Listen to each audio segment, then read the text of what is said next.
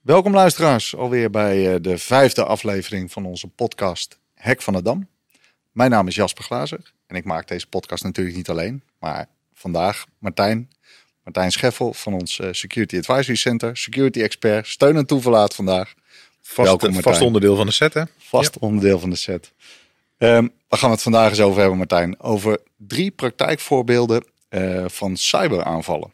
En voordat we zover zijn, denk ik dat we even terug moeten grijpen naar onze rode draad. Ehm, wij hebben de afgelopen paar keren altijd Donald Trump de revue laten passeren. Wat kunnen wij daar vandaag nog eens over kwijt? Ja, ik denk dat een van de mooie, nou ja, mooi is misschien het verkeerde voorbeeld, maar een van de opvallende zaken die we natuurlijk gehad hebben, is het blokkeren van enkele van zijn accounts op social media.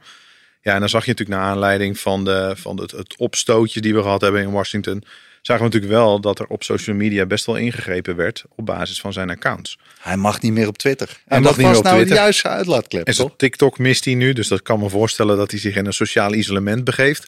Maar ja, het blijft natuurlijk toch wel een, eh, een, een discussie-item als je ziet ook wat er gebeurt op de verschillende platformen. Want ja, je blokkeert een account van natuurlijk niet zomaar iemand. Hè? Het is wel in dit geval degene die eh, de president van de Verenigde Staten is. Maar ja, het, het account is wel geblokkeerd.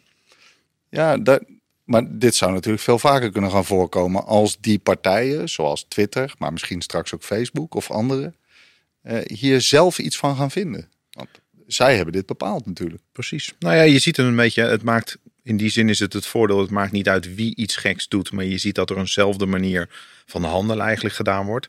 Maar anderzijds zie je ook dat er groepen zijn die zeggen: ja, dit is eigenlijk een vorm van censuur die je toepast. Dus het is natuurlijk best wel een, eh, ja, zeg maar een beladen onderwerp. Is het nu terecht of niet terecht?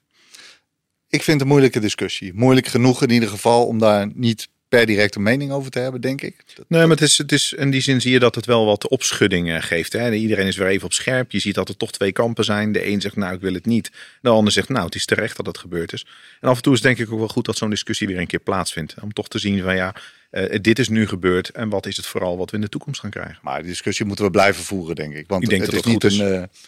eh, eh, ja, we moeten daar naar kijken. Daar moeten we eh, over na blijven denken. En, en ook kritisch over blijven, denk ik. Ik denk dat het een, eh, ja, ik denk dat het een onderwerp is. En nu is het dan gebeurd met de president van de Verenigde Staten. Maar ik denk dat het natuurlijk iets is. Ja, het, het kan volgende week iemand anders zijn. En heb je dan dezelfde manier van handelen die je kiest? Of, of is dit een verkeerde manier geweest en moeten we het anders gaan doen? Ik denk dat het goed is dat de discussie plaatsvindt.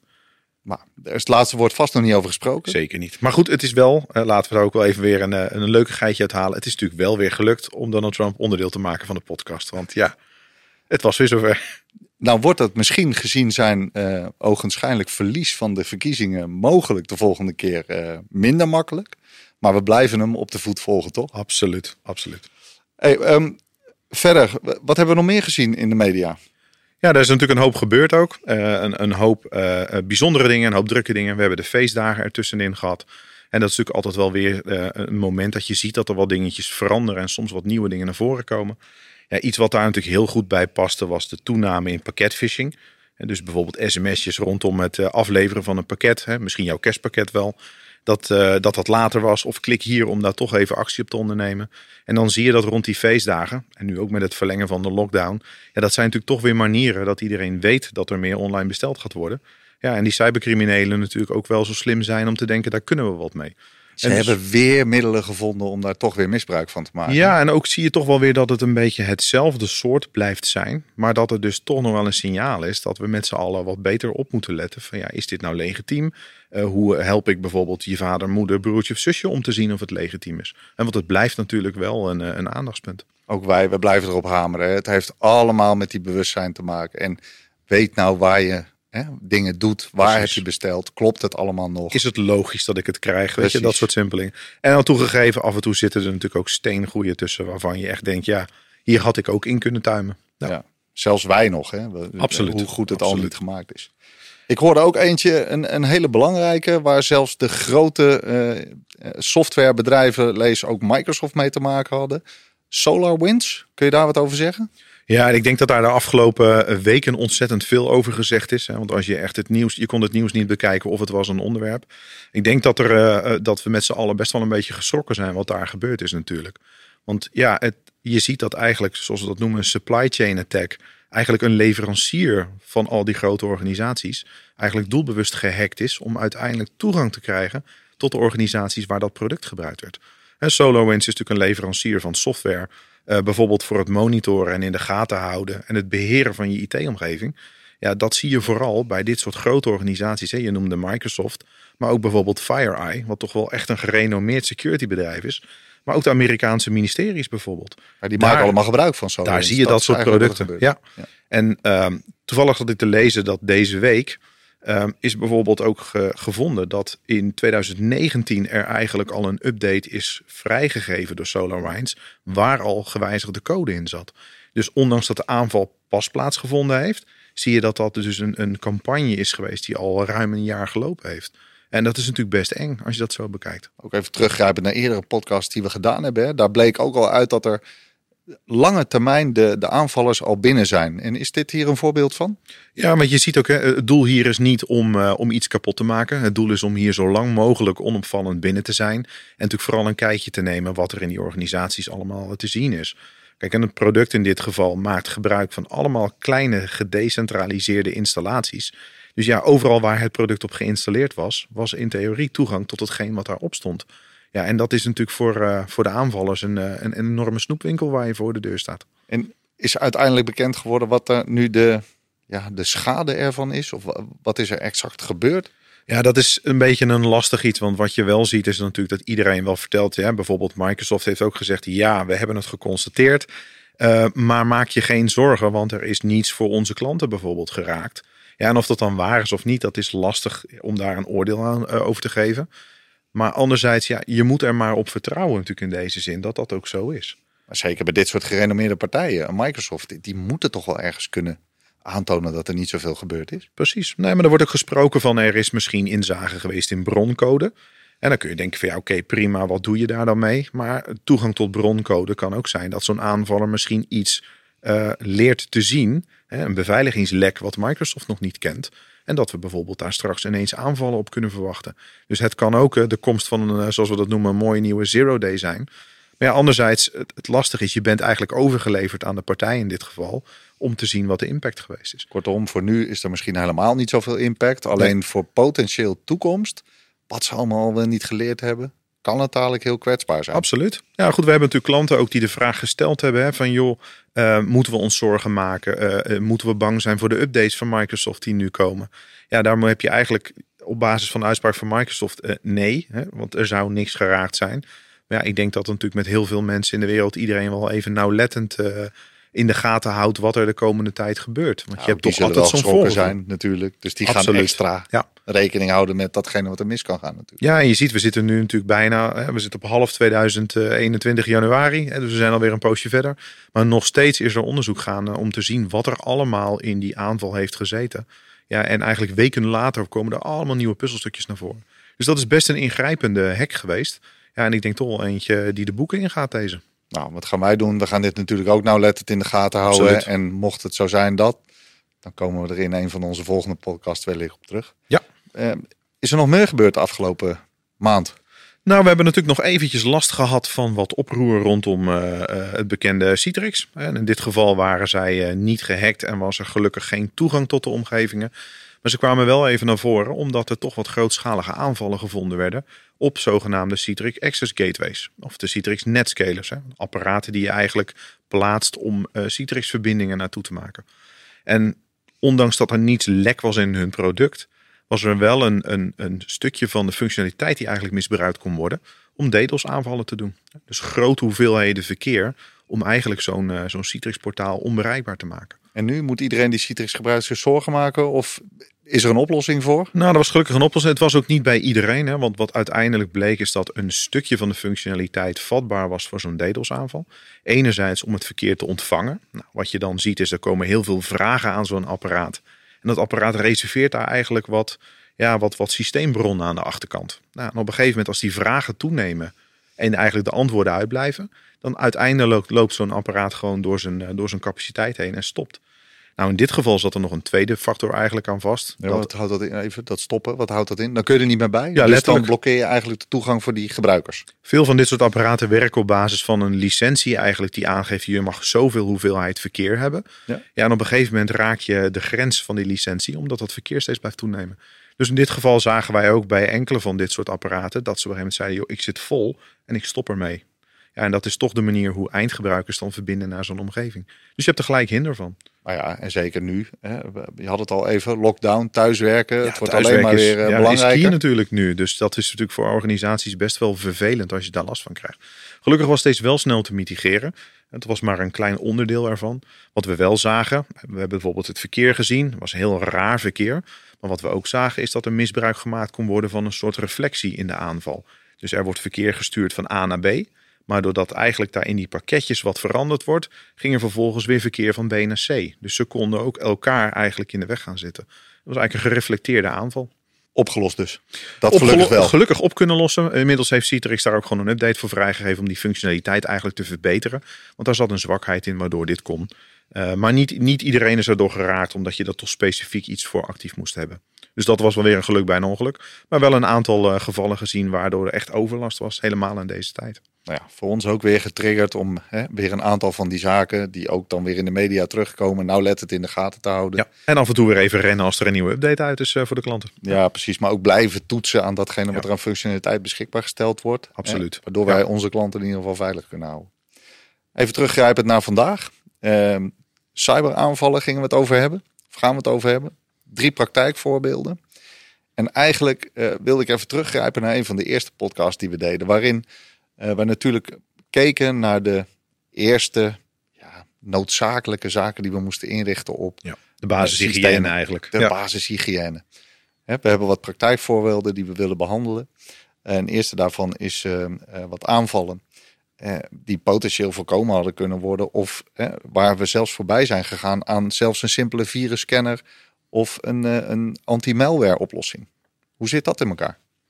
Ja, wat je natuurlijk ziet, hè, want eh, is, is antivirus, anti-malware nog nodig vandaag de dag? Ja, absoluut. Want het blijft natuurlijk nog steeds een hoop ellende komen waar je gewoon afscheid van wil nemen. En daar doet een antivirus, anti-malware oplossing nog steeds zijn werk in. Het enige wat je natuurlijk wel ziet, is dat die vaak acteren op dingen die zij kennen als zijnde kwaadaardig. Ja. En wat wij nu wel zien, en er komt dit voorbeeld van straks bijvoorbeeld mooi bij kijken, is dat er ook wat onderdelen gebruikt worden van, in dit geval Microsoft Windows zelf. Dat noemen ze living off the land, heel mooie, mooie term daarvoor. Maar je maakt eigenlijk gebruik van iets wat er al in zit en dus standaard ook vertrouwd is. Dus je hebt ook een hele grote kans dat zo'n virusscanner denkt, ja, dit is gewoon prima Windows, ik doe hier niets mee. En we hebben natuurlijk al eerder ook gesproken over het gaan reageren op gedrag. En daar zit dan eigenlijk de kracht. Hè? Dus endpoint detection en response. De vorige aflevering met Bert ook over gesproken. Ja. Door te kijken naar raar gedrag in plaats van misschien een raar programma wat gebruikt wordt. Dus je zegt eh virusscanners en phishing eh, scanners of malware scanners, die kijken eigenlijk naar, joh, we weten dat het mis is. Hoofdzakelijk wel. Ja, zo kun je het een beetje. Hè. Dus natuurlijk doen ze nog meer intelligente dingen. Maar over het algemeen kijkt het vooral naar dingen die ze kennen als zijnde kwaadaardig. Maar noodzakelijk, maar nog steeds wel een beetje traditioneel. Ja, het is een beetje hetzelfde als met e-mail. Eh, Er komt nog steeds heel veel klerenzooi natuurlijk binnen. Hè, allemaal lekker rommel in je mailbox. En daar kun je heel veel uitfilteren. Maar er zijn ook dingen die er stevig doorheen blijven komen. Omdat het gewoon anders is dan de traditionele massa en de bulk aan, eh, aan rommel die er komt. Even terug dan, eh, wat zijn die effecten daarvan? Nou ja, kijk, in dit geval, het voorbeeld zal ik straks toelichten wat er gebeurd is. Ja. Maar dit was een medewerker die iets deed op zijn laptop. Eh, Dat werd niet gezien door de, door de anti-malware oplossing. Uiteindelijk hebben wij in moeten grijpen op zijn laptop en hem eigenlijk geïsoleerd. Dus om in ieder geval de dreiging in te perken. Ja, wat je dus eigenlijk ziet, het resultaat is, eh, de persoon zit thuis. eh, De laptop is buiten gebruik. Dus zo iemand moet terug naar de zaak komen eigenlijk om een laptop te wisselen of een vervangende oplossing. En dus het kost ja, productiviteit. Ja, en daarnaast, daar ga ik straks iets dieper op in, ehm, ook het lekken van wachtwoorden en mogelijk bijvoorbeeld persoonsinformatie. Ja, daar hangen natuurlijk vandaag de dag ook wel wat regeltjes aan vanuit de AVG. En dat kan je als organisatie gewoon serieus geld kosten. En dus enerzijds het verlies aan productiviteit, maar anderzijds natuurlijk ook gewoon boetes. En ook in dit geval weer, hè, oorzaak ook weer, thuiswerken is daar weer, hè, je noemde het zelf al, hè, we gaan het nog steeds doen, we gaan het misschien straks steeds meer doen. Ja. Ook dit bevestigt weer hoe belangrijk het is om daar over je security na te denken. Ja, security, maar ook uh, natuurlijk daar heel erg aan gelieerd, maar ook beleid. Wat vind jij als organisatie nou dat iemand op een, een device van jou mag doen? En want je kunt natuurlijk met techniek heel veel beperken. Maar wat vind je dat er mag? En waar staat dat voor die medewerker? Dat is natuurlijk ook heel erg belangrijk. Ja, nou even terug naar het specifieke probleem. Je, je hebt daar een analyse van. Hoe, hoe is dit gebeurd? Of wat is er exact gebeurd? Misschien leuk is dat we er even doorheen lopen wat wij dus geconstateerd hebben. Want ik denk dat veel mensen dat ook wel zullen herkennen als we, als we er wat dieper op ingaan. En wat, wat wij zagen is, de medewerker heeft een device vanuit het bedrijf thuis. Zit keurig via een, een VPN, dus via een verbinding verbonden aan het werknetwerk. En uh, ja, die had eigenlijk een stukje software waar een licentie aan hing. Nou goed, die medewerker besloot daar een, een zogenaamde crack voor te downloaden om toch de licentie te kunnen omzeilen is natuurlijk al niet heel slim. Want daar is dubieus dan Ja, dat al, komt maar- meestal van locaties af waarvan je al kan afvragen of je daar iets wil downloaden. Hè, dat vooropgesteld.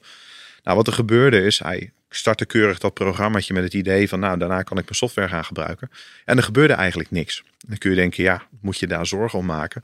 Maar dat was eigenlijk voor die persoon wel een trigger dat hij dacht, oh oh, er gebeurt niks. Ik heb iets gedaan, dat klopt Precies. niet helemaal. Ja. En Achteraf bleek ook bij het dubbelklikken dat diegene eigenlijk al dacht: ik heb iets gedaan wat ik niet had moeten doen. Dus zie je dat dat in het onder- onderbewustzijn natuurlijk toch al wel een rol speelt. Maar na het openen gebeurde er eigenlijk niets. Maar ehm, de antivirusoplossing sloeg ook niet aan. Dus eigenlijk voor diegene was iets: oké, ik heb iets gedaan, maar kan niks zien. Dus we zijn, op een gegeven moment hebben wij een alarm gekregen. Want de werkplek was wel voorzien van een EDR-oplossing, dus Endpoint Detection and Response. Dus wij kregen eigenlijk een alarmering op basis van het gedrag van die laptop.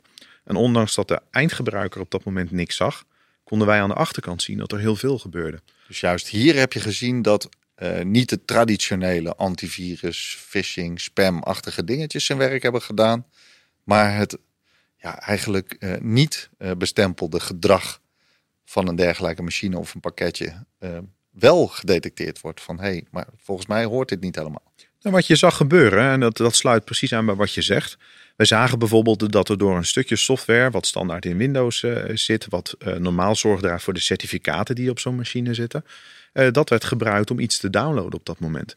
Dus ja, ga je kijken, het onderdeel van Microsoft Windows wat dat doet, is een prima legaal iets, zit keurig in het operating system ingebakken en is dus veilig. Alleen het werd eigenlijk misbruikt voor een ander doel. Om En dus- anders te doen waar het eigenlijk voor bedoeld is. Precies, hè? dus antivirus zegt prima in orde. Dus er werden wat brokjes data binnengehaald, versleutelde data. Dus dat was ook niet direct eh, te lezen bijvoorbeeld voor zo'n oplossing. En pas toen alles binnen was, werd het eigenlijk door dat stukje software van Microsoft omgebouwd en teruggezet naar een bestand. En dat bestand had ook weer een legitieme naam, was ook onderdeel van het standaard besturingssysteem, maar wel een eigen variant daarvan. Dus eh anti-malware oplossing deed nog steeds niets. En wij zagen eigenlijk aan de achterkant in de log ineens heel veel gebeuren. Dus er werden verbindingen opgezet naar kwaadaardige domeinen. Ehm, uiteindelijk werd er gekeken op zijn machine eh, voor wachtwoorden. Wachtwoorden uit zijn browser. Er werden cookies gestolen. Er werd gezocht naar eh, crypto wallets. Hè, dus van die eh, virtuele portemonneetjes vol met cryptocurrency. En dat Waar ik vandaag de dag in bewaar. nou, vandaag de dag doet de Bitcoin het goed. Dus ja, dat is de moeite waard. Maar die informatie werd eigenlijk heel snel opgespoord. Werd in een, in een archiefje gestopt en werd ook gelijk naar buiten gestuurd. Ehm, een van de dingen die daar bijvoorbeeld ook bij zat, was een, eh, een schermafdruk van het beeldscherm op dat moment. Dus stel jij hebt een personeelsdossier open of jij hebt verzekeringsinformatie op beeld, dan is die informatie op dat moment wel naar een externe gegaan. En dus we hebben dat kunnen volgen. We hebben de laptop daarna gelijk kunnen isoleren. Het nadeel is, ja, je hebt altijd een reactietijd. Dus in die tijd kan er wel wat gebeurd zijn. Dus daarna is er ook uitgebreid onderzoek geweest op de laptop. Maar dan is eigenlijk het kwaad al geschied. Maar zonder de inzet eigenlijk van EDR had je dit dus nooit gevonden. En dat is natuurlijk wel zorgwekkend. Want er had wel data eh, weg kunnen zijn in dit geval. En maar Martijn, die, die screenshots die dan buitengemaakt worden, waar inderdaad ook vanuit AVG-perspectief of zo dingen op zichtbaar zijn, dat is natuurlijk wel cruciaal. Ja, dat is heel gevaarlijk, hè, want dat kan natuurlijk allerlei persoonsgegevens zijn. Het probleem is alleen op het moment dat het gebeurt eh, en zo iemand zit thuis. Ja, je krijgt de melding, je gaat onderzoeken, maar het is heel lastig natuurlijk, want je bent eigenlijk aan de eindgebruiker overgeleverd om te vragen wat had je op je scherm op dat moment. En dan moet je daar natuurlijk wel een antwoord krijgen. Ja, die is er ook niet even trots op dat hij iets aan het doen was misschien. Nee, dat, zit- dat ligt soms gevoelig. Hè? En wat we uiteindelijk wel gedaan hebben is bijvoorbeeld, eh, de, de software stond er nog op.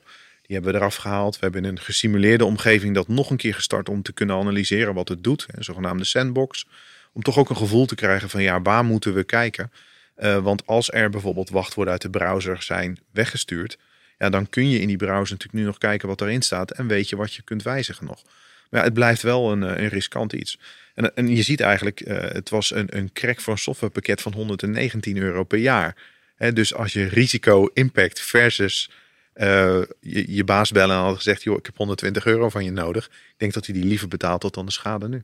Nou, daar kan ik me alles bij voorstellen. En zeker ook over de eerdere bedragen die we genoemd hebben, die in de duizenden euro's kunnen lopen. Dan is dit natuurlijk uh, onzin om dit niet te doen. En om gewoon ook naar legale varianten van software te kijken. Maar dat is hetzelfde natuurlijk voor de oplossing. Uh, endpoint detection en response. Uh, het is vaak lastig. Bedrijven zeggen ja, maar dan heb ik weer meer kosten erbij naast mijn antivirus. Maar je ziet dat het eigenlijk niet een vervanging is van, maar eigenlijk parallel naast staat. Ja, en met heel veel thuiswerken wil je toch een vorm van zichtbaarheid hebben. Nou, het is de alarmcentrale voor je computer. Die, dat, dat zeg je, detection en response, additioneel op de traditionele antivirus oplossingen die er eigenlijk al zijn. Is het nou beide nodig? Of... Nou, kijk, het voordeel is, hè, de, de oplossing kijkt naar gedrag. En op gedrag wil je reageren. Maar stel dat het gedrag misschien niet vreemd is, maar het bestand wel malafide is wat je opent. En dan zie je in dit geval de oplossing die wij gebruiken, gebruikt de antivirus ernaast om ook een detectie te doen van hetgeen wat geopend wordt. Dus het blijft eigenlijk in, in harmonie iets wat samenwerkt. En ik zou het ook zeker niet, niet los zien. Maar ik denk dat alleen de antivirus, anti-malware oplossing, ja, dat daar kom je vandaag de dag niet meer mee weg. Nee, kortom, advies is kijk naar additionele componenten om, uh, om toe te voegen aan, uh, aan een dergelijke oplossing. En die wordt dan ook dringend geadviseerd om juist vanuit dat gedrag eigenlijk de maatregel te kunnen nemen of eerder te kunnen detecteren als ja. er dingen misgaan op zo'n machine. Is eigenlijk de alarmcentrale voor je werkplek. We gaan zo door met een, uh, met een volgend voorbeeld. Dus we zijn zo bij de luisteraars terug.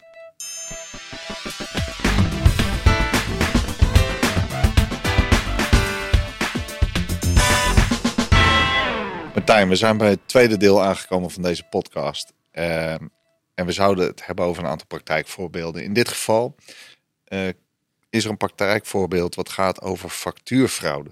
Wat moet ik me daarbij voorstellen?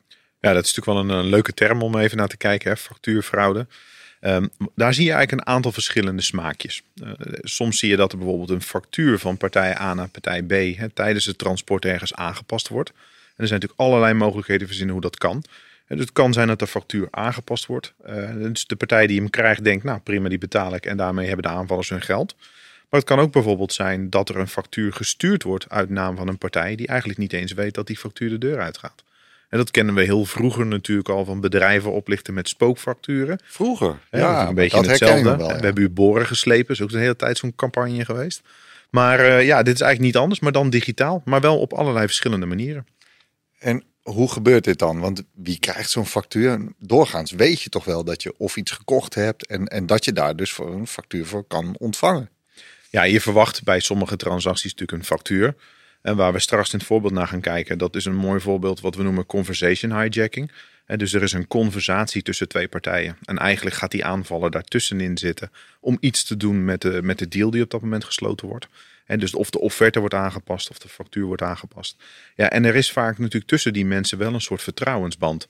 En eigenlijk door daar misbruik van te maken, kun je natuurlijk zo je factuur laten betalen.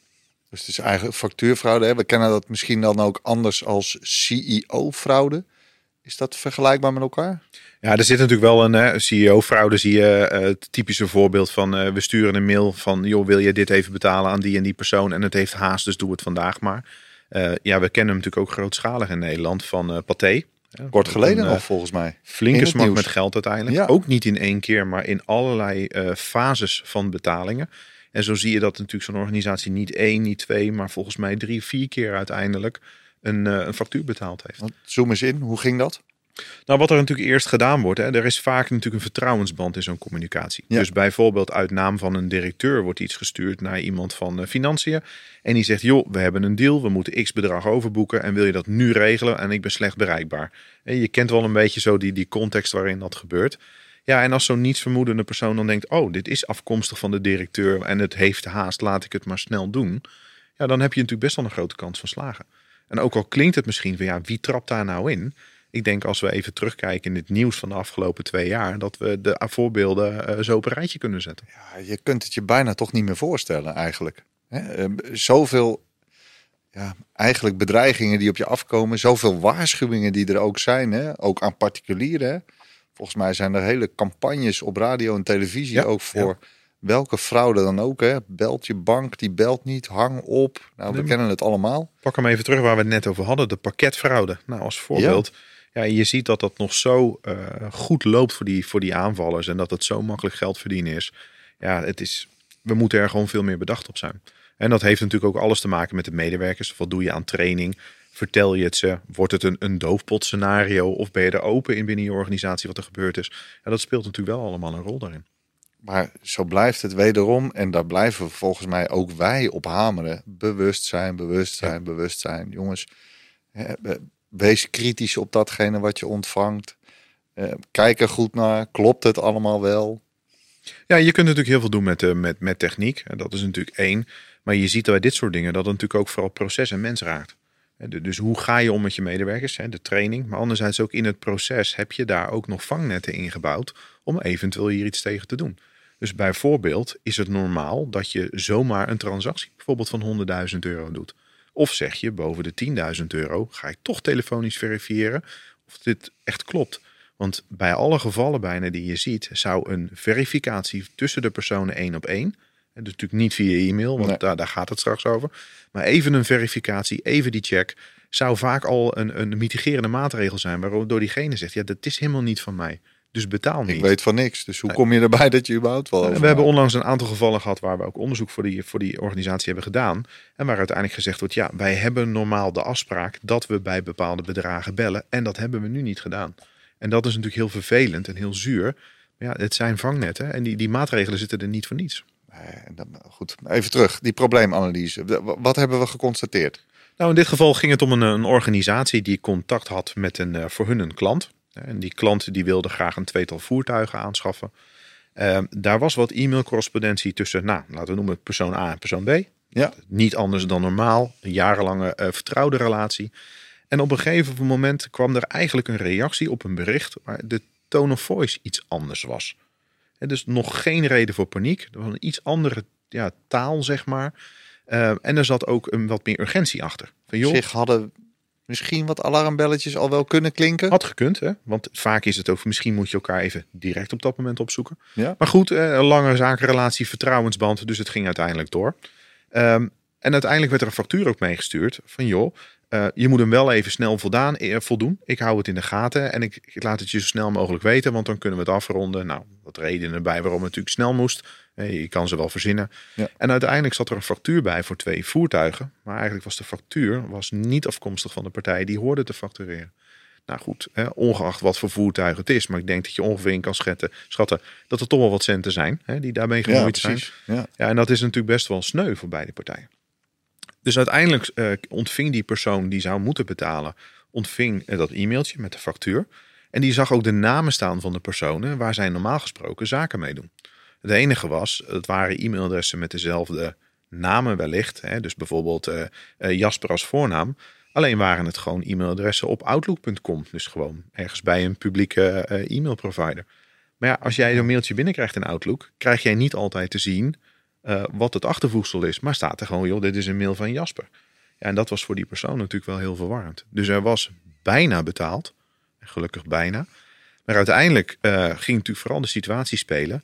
Er heeft dus iemand toegang gehad tot deze correspondentie. Die weet van onze samenwerking. Die weet van de transactie die wij zouden doen. Maar waar is die nou binnengekomen?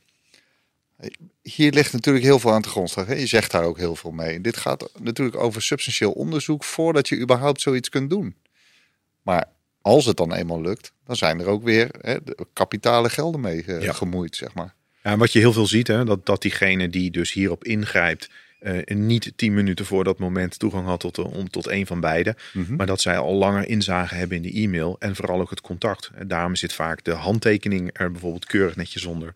Is de toon en, de, en de, de relatie wordt die precies op dezelfde manier onderhouden.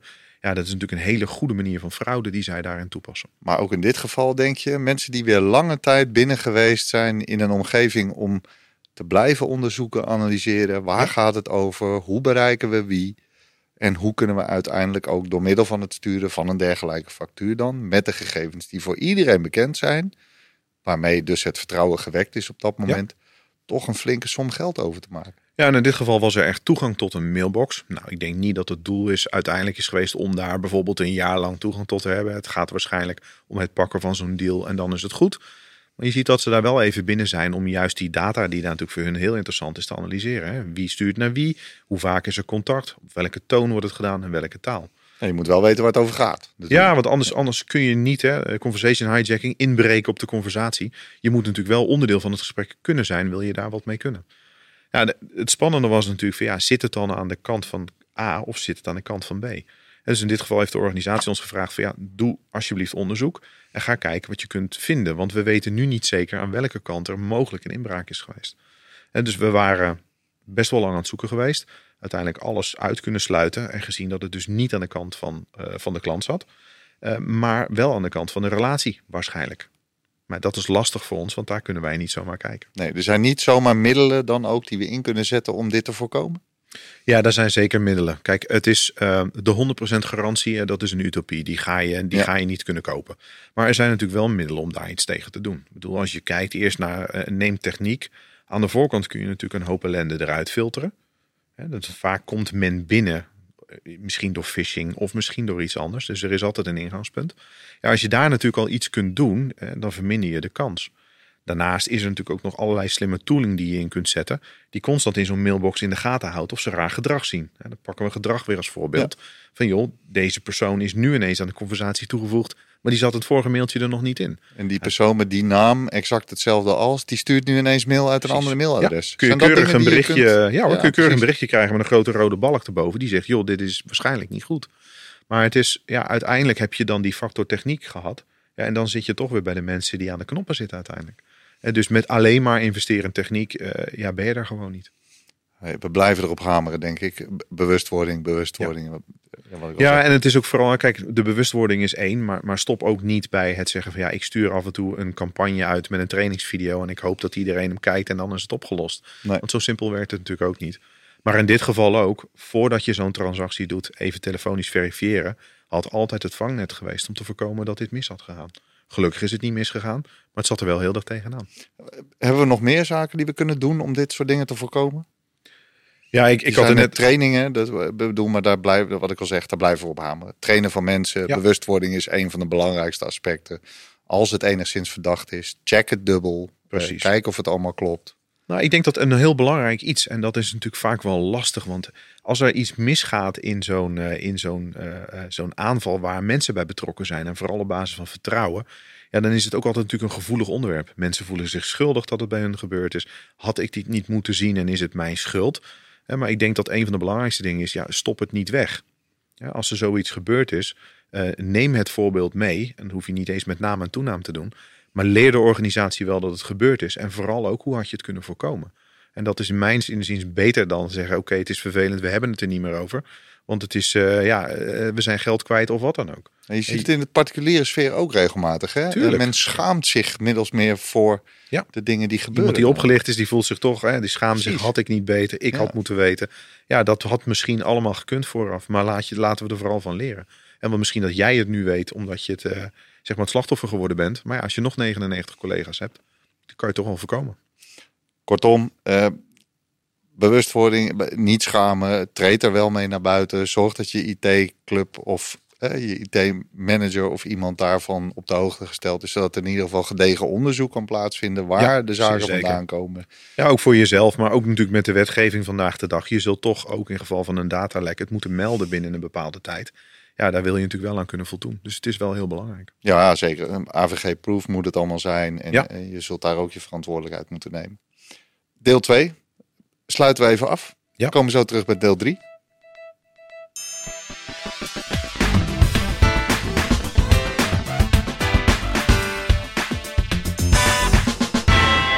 Martijn, we zijn uh, bij het derde deel van deze podcast aangekomen. Praktijkvoorbeeld 3 we gaan het hebben over phishing en de praktijk die we daarin hebben gezien. Um, wat is phishing? Nee, bij phishing is het natuurlijk eigenlijk het om de tuin leiden van de ontvanger. Je stuurt iemand een mailtje en je gaat eigenlijk diegene uitlokken iets te doen. Denk aan het klikken op een linkje, wachtwoorden ingeven, creditcardgegevens en noem maar op. Maar het is eigenlijk ja, een, een, manier om iemand iets te laten doen waar jij op uit bent. Even terug naar die, ook als ik dat op mezelf betrek. Ik eh, bankier wijze van al, eh, al jaren bij ABN AMRO. En eh, toch krijg ik van SNS een e-mailtje dat ik mijn Ja. pas moet verlengen of iets dergelijks. Of een nieuwe pas moet aanvragen. Het is af en toe interessant om in je mailbox te zien hoeveel banken je eigenlijk hebt waarvan je zelf te weten eh, niet hebt. Dus je hebt ineens inderdaad een andere bank, dat soort dingen. Maar dat zijn allemaal vormen van phishing inderdaad. Ja, ik zoek altijd even terug in mijn appjes om te kijken of dat allemaal nog klopt. Maar Dat dan niet misschien geld heen en weer eh, gaat of zo naar rekening die je niet weet kent. ik weer zeker Ja. dat degene waar ik Twee, of je moet bij je vrouw even aankloppen of kijken of het phishing is. Hè. Dat zijn meestal twee opties. Maar terug naar de, de, de effecten voor de klant. We hebben daar een praktijkvoorbeeld. Wat is dat effect? Die- phishing mail, dat speelt natuurlijk al, ook al een tijdje. Ja, wat we natuurlijk in dit geval. Ik, is op zich wel een hele interessante casus. Want vaak denk je natuurlijk bij phishing is dat er iemand op zijn zakelijk, ad- eh, zakelijk adres een mailtje krijgt en daar eigenlijk hetgeen gaat plaatsvinden. Ehm, we hebben in dit geval onderzoek gedaan voor een, eh, voor een organisatie die, waar ook iets gebeurd was. Hè. Er was toegang geweest tot een omgeving, tot een mailbox in Microsoft 365, eh cloud oplossing. En wat je eigenlijk in, het hele, in de hele keten zag, is dat er begonnen is met phishing, maar eigenlijk niet aan de zakelijke e-mailkant. Oh. En dat is natuurlijk wel fascinerend, want eh, wij zagen dat bijvoorbeeld een van de medewerkers eh, haar privé-e-mail-account eigenlijk misbruikt was. Hè. Dus er was op basis van een wachtwoord, of gestolen of geraden, was er toegang geweest tot haar mailaccount. Nou, daar vandaan hadden ze. Haar particuliere mailaccount. ja, het precies. Ja, helemaal, helemaal persoonlijk. Dus niet gerelateerd aan de niets zaak. gerelateerd Nee. met het bedrijf. Oké. Uiteindelijk hebben zij gezien dat zij een LinkedIn-account had. Nou, zijn ze op dat LinkedIn-account heb je natuurlijk een knopje waar je kunt zeggen: Ik ben mijn wachtwoord vergeten. Nou, waar komt dat mailtje uit? In je mailbox. Dus diegene dacht: Nou, dat is handig, want dan daar vandaan kunnen we het wachtwoord resetten en dan hebben we toegang tot haar LinkedIn-account. Eh, ja, dan zou je denken: prima, dan zit je op LinkedIn. Wat dan? Maar vanuit dat LinkedIn-account werden er weer phishingberichten verstuurd naar andere collega's in de organisatie. En dus dan kun je zien hoe, die, hoe die ketting zich opbouwt. Dus een van haar collega's kreeg een direct bericht op LinkedIn. Hè. Je kan elkaar natuurlijk persoonlijke berichten sturen. Ja. Keurig met een linkje erin. Klikte daarop, kreeg een loginpagina en gaf zijn gegevens in. Alleen dat waren zijn zakelijke gegevens. En dus je ziet, het begint eigenlijk bij een, eh, nou, een gratis e-mailaccount van iemand privé. En voordat je het weet, zit je eigenlijk met gelekte wachtwoorden van een, van een organisatie. Dus ook als je kijkt naar de beschermers, hè, die, IT-kant, hoe ga je je hier tegen wapenen? Want dat wordt natuurlijk wel steeds lastiger. Nou, gelukkig de organisatie eh, eh, was slim geweest en die hebben multifactor authenticatie gebruikt. Dus op basis van de gebruiksnaam en wachtwoord alleen kon die aanvaller niet inloggen. Alleen waren het niet dat in Office 365 er ook een middel is om met oude protocollen nog te kunnen verbinden. Waarom? Nou, er zijn natuurlijk nog steeds bedrijven die hele oude versies bijvoorbeeld gebruiken van Outlook voor e-mail. En daar biedt Microsoft een soort, ja, ze noemen het legacy support voor. Hè? Dus, dus ondersteuning voor ouderwetse technologie. Alleen daar is geen multifactor authenticatie op aan de toepassing. Dus waar je het loginproces op de normale manier eigenlijk beschermt, is er ook nog een manier om zonder die authenticatie in te loggen. Dus in dit geval had die, had die aanvaller eigenlijk de gebruikersnaam, het wachtwoord en een methode om buiten de multifactor authenticatie om te gaan. En, en wat is hier simpel een oplossing? Updaten? Nou, en dat is het. Eh, Het het klinkt misschien heel ja, vervelend in dit geval, maar er is echt een simpele oplossing voor. Want het lekker van die gebruiksnaam en wachtwoord is natuurlijk multifactor authenticatie normaal de manier om daar eigenlijk iets tegen te doen. Ja. Maar in zo'n Microsoft 365 of Office 365 omgeving ja, kun je eigenlijk een vinkje aanzetten wat zegt ik bied ondersteuning voor deze oude manieren van verbinden. Maar je kunt het vinkje ook uitzetten. En dus als je het Oh. vinkje uitschakelt, is het ook niet meer mogelijk om buiten die multifactor authenticatie om aan te melden. Het vervelende is alleen in het concept, is dat het vinkje standaard in de nieuwe Microsoft omgeving aanstaat.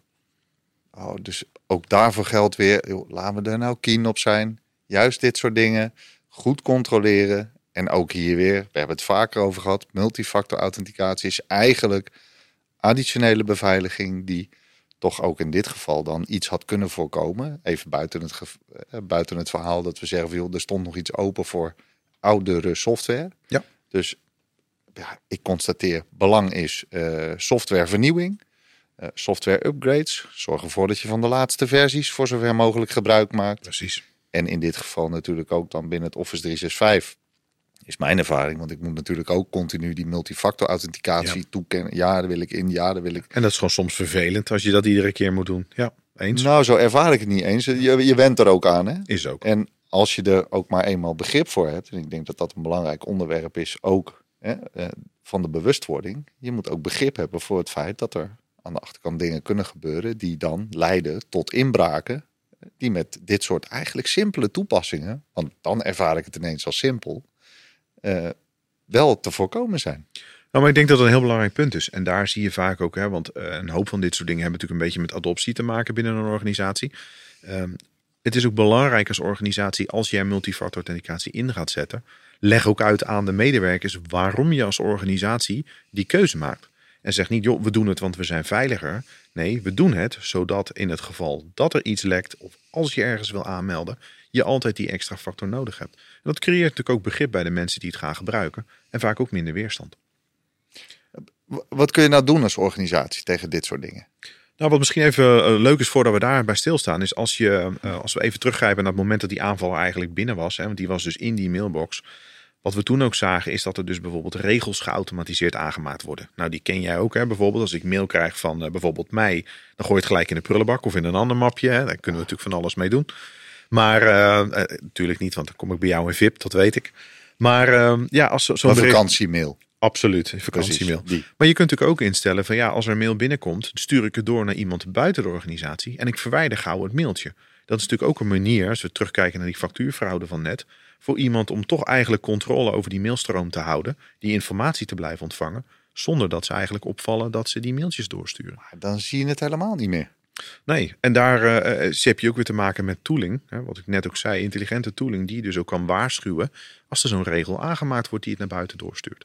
Dit gaat weer om gedrag. Het gedrag wat eigenlijk oneigenlijk in de automatiseringsoplossing gebruikt wordt. En daar hebben we die maatregelen voor. Maar ook anderzijds weer beleid. Hè? Want als je kijkt, het feit dat de software het kan en het platform dat uh, je de mogelijkheid biedt, vind jij het als organisatie acceptabel dat e-mail doorgestuurd wordt naar externe ontvangers? Hmm. Want je kunt als bedrijf ook zeggen, dat wil ik simpelweg niet. Dat is natuurlijk een van de beste manieren om het eigenlijk te voorkomen, is het uit te zetten. Ja, het mag gewoon niet. Nee, want wat als de persoonsgegevens bijvoorbeeld naar jouw privé, hè, dat je denkt handig, dan kan ik mijn mail lezen op vakantie. Maar de data verlaten natuurlijk wel een vertrouwde omgeving op dat moment. Ja, precies. Maar, maar nogmaals de vraag dan, wat gaan we daaraan doen? Of wat kunnen we er tegen doen?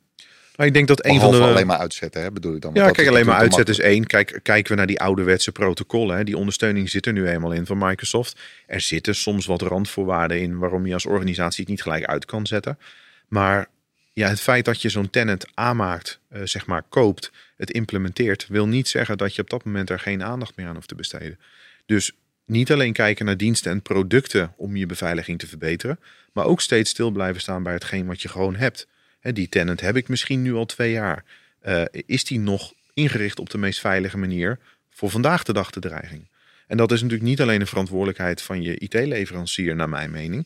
Maar dat is wel iets waar je als organisatie, die eigenaar is van die tenant, en de IT-leverancier samen constant bij stil moeten staan. Ja, kortom, een continue herijking ook van de beveiligingstoepassingen die je geautomatiseerd hebt geïmplementeerd. Ja, maar geef het een plekje op een roadmap. Hè. Stel je, je zet een plan op voor een jaar waarin je misschien een aantal nieuwe dingen gaat bekijken die je wilt toevoegen. Maar ook gewoon momenten stilstaat bij de dingen die je al hebt om te toetsen. Joh, is dat nog veilig vandaag de dag? Ja, kortom, wat je zegt, die zijn ook steeds in ontwikkeling. En daarvan kunnen we ook zeggen dat de updates of de dingen die er hè, in ontwikkeling waren, om hè, daar bepaalde keuzes in te maken om die nu uit of juist aan te zetten om te voorkomen dat dit soort dingen nog kunnen gebeuren. Ja, en wat je ziet in de praktijk, hè, we kunnen natuurlijk heel makkelijk roepen, je het moet uit. Maar stel dat jij uh, uh, bijvoorbeeld als een, een tandartsenpraktijk daar een hele dure röntgenscanner nog aan gekoppeld hebt zitten. Hè, die dingen zijn natuurlijk meestal heel erg prijzig. Ja, dan is het fijn dat jouw leverancier zegt zet hem uit. Maar misschien dat dat voor jou op dat moment financieel niet haalbaar is. En maar dan moet je met elkaar kijken van hoe zorgen we er dan dat we het risico zo klein mogelijk maken dat er misbruik gemaakt wordt. Ja, dus in het hele security landschap natuurlijk zo. Risico's mitigeren. Ja, precies. Dus de risico's zo klein mogelijk. Blijven onderzoeken. Blijven nadenken ook, haal ik eigenlijk uit al deze voorbeelden. want er zitten toch ook wel veel ervaar ik toch ook wat menselijke factoren in. ook hier weer, als je ziet ook waar de bron ligt. Een mailbox waar je als organisatie geen controle over hebt. Een LinkedIn-omgeving van iemand persoonlijk waar je geen controle over hebt. Maar de persoon wel onderdeel is van jouw organisatie. Dus daar kun je natuurlijk wel in helpen. Nou, volgens mij een mooi bruggetje. Uh, heldere uitleg. Praktijkvoorbeelden hebben we gehad. Ik zit nog met een kijkersvraag. Die kijkersvraag die heeft te maken met uh, het open brononderzoek. Daar hebben we het natuurlijk vorige keer ook al over gehad. Ja. In de podcast waar ook uh, Bert de Houwer van F-Secure bij aanwezig was.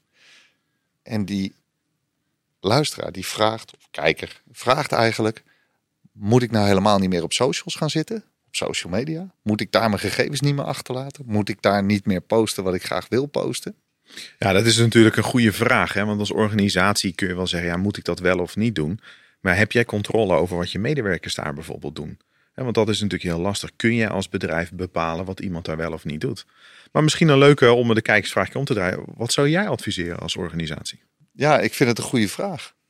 En ik heb daar natuurlijk best wel over nagedacht. Nou ben ik zelf niet zo heel erg van de socials. Maar als ik zelf kijk naar datgene wat ik deel op, uh, op de sociale media waar ik dan wel actief ben. Dan is dat vanuit mij persoonlijk echt wel redelijk beperkt. En concentreert zich dat toch wel op, ja, in mijn geval via LinkedIn of iets dergelijks, op zakelijke, uh, zakelijke content. En niet veel meer dan dat. En stel dat we, want we werken natuurlijk bij dezelfde werkgever, geen verrassing, want we zitten bij de Avantage podcast in dit geval. Precies. Maar stel dat wij, eh, stel ik zou uh, iedereen een e-mail sturen van, joh jongens, dit zijn een aantal spelregels rondom wat jij op social media wel of niet kunt plaatsen, die te maken hebben met je werk en de organisatie. Hoe zou jij daar tegenaan kijken?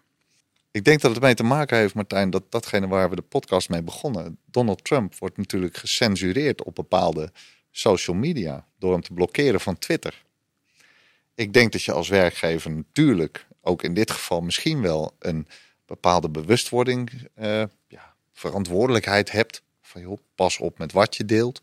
Of uh, probeer dat zo min mogelijk in relatie te brengen tot zakelijke content of iets dergelijks. Of gebruik de zakelijke social media daarvoor. Ik vind het een moeilijke vraag om te beantwoorden. Ik denk dat, het, uh, dat je het een beetje op kunt hangen aan het algemene kapstokje van de bewustzijn. Ik denk dat dat als organisatie, want we hebben natuurlijk de vraag concreet, dus gaan we ook even een mooi antwoord voor verzinnen. Eh, ik denk dat als je kijkt naar, eh, moet je daar als organisatie ook iets mee en wat kun je daarmee? Ik denk dat het wel belangrijk is om je, uh, je medewerkers zeg maar wat handvaten te geven hoe zij veilig omgaan met wat zij kunnen doen. En ik denk dat je daarmee ook wel winst kunt behalen. En dus helemaal er niets omheen doen is denk ik niet verstandig. Maar kijk, die open bronnen zijn er nu eenmaal voor aanvallers een interessante bron van informatie ja, als je daar als organisatie met wat handvaten iets mee kunt, ja, dan denk ik altijd dat je daar winst uit kunt halen. Kortom, je regels en, en dingen verbieden, denk ik niet dat dat werkt. Nee, dat, denk ik, dat ben ik met je eens. Ik denk ook niet dat dat werkt. Maar dan komen we terug weer op uh, niet alleen de podcast van vorige keer, maar die we ook hadden met uh, Erik Laameijer van die verzekeringsmakelaar Schouten Zekerheid. Die een zeer brede bewustwordingscampagne hebben geïntroduceerd. waarvan ik van mening ben dan niet alleen datgene wat ze gebruiken op het, of wat ze zien in het gebruik van ja. IT-middelen. Uh, maar dat je daar ook iets verder mag doortrekken in van joh, wat plaats je nou, wat post je nou, hoe breng je dat in relatie tot datgene waar we inderdaad daadwerkelijk informatie uit kunnen halen. Uh, zodat we de gegevens die je dan ergens op social media neerzet ook kunnen misbruiken. Ik denk dat het een goed onderdeel zou zijn op de contentkalender rondom security awareness. Als gewoon als een, een onderwerp wat je zeg maar, tussen de verschillende manieren van uh, bewustzijn door gewoon een keer introduceert. Met wat, met wat adviezen en spelregels. Niet verbieden, maar bewustwording van hoe ja, kunnen we helpen. Nou, volgens mij is de vraag uh, hiermee beantwoord. Mochten er vragen zijn van onze luisteraars, kunnen ze die natuurlijk altijd kwijt via ons mailadres podcast.avantage.nl. Ja, en graag zelfs. Ja, die komt bij jou terecht of bij mij. En dan gaan we er samen naar kijken of we daar weer een, uh, weer een antwoord op kunnen verzinnen. Martijn, de volgende keer gaan we het hebben over het Microsoft Security ecosysteem. Uh, wat is dat precies? Ja, het is natuurlijk ook wel leuk dat we het over Microsoft Security gaan hebben. En we zitten bij de ruimte van, uh, van Bill Gates op ons kantoor. Dus ja. degenen die de podcast kijken, denken: oké, dat is mooi. We hebben jullie rekening mee gehouden. Nee, het Microsoft-ecosysteem. We kunnen natuurlijk allerlei diensten en oplossingen en producten kopen in de wereld. Maar ook Microsoft heeft heel veel mooie oplossingen die eigenlijk op het gebied van cybersecurity veel bijdragen. En die ook een naadloze integratie met elkaar hebben. En dus voor gebruikers van heel veel van die diensten ja, zitten daar echt mooie oplossingen tussen. Dus ik denk reden, al, uh, reden te meer om daar een, een aparte podcast aan te besteden. Als standaard af te nemen, potentieel. Ja, inderdaad. Nou, ik hoop dat de luisteraars volgende keer weer uh, met vol enthousiasme willen luisteren. Dus dank voor deze aflevering. Martijn ook bedankt. Graag en uh, graag tot de volgende aflevering. Tot podcast 6.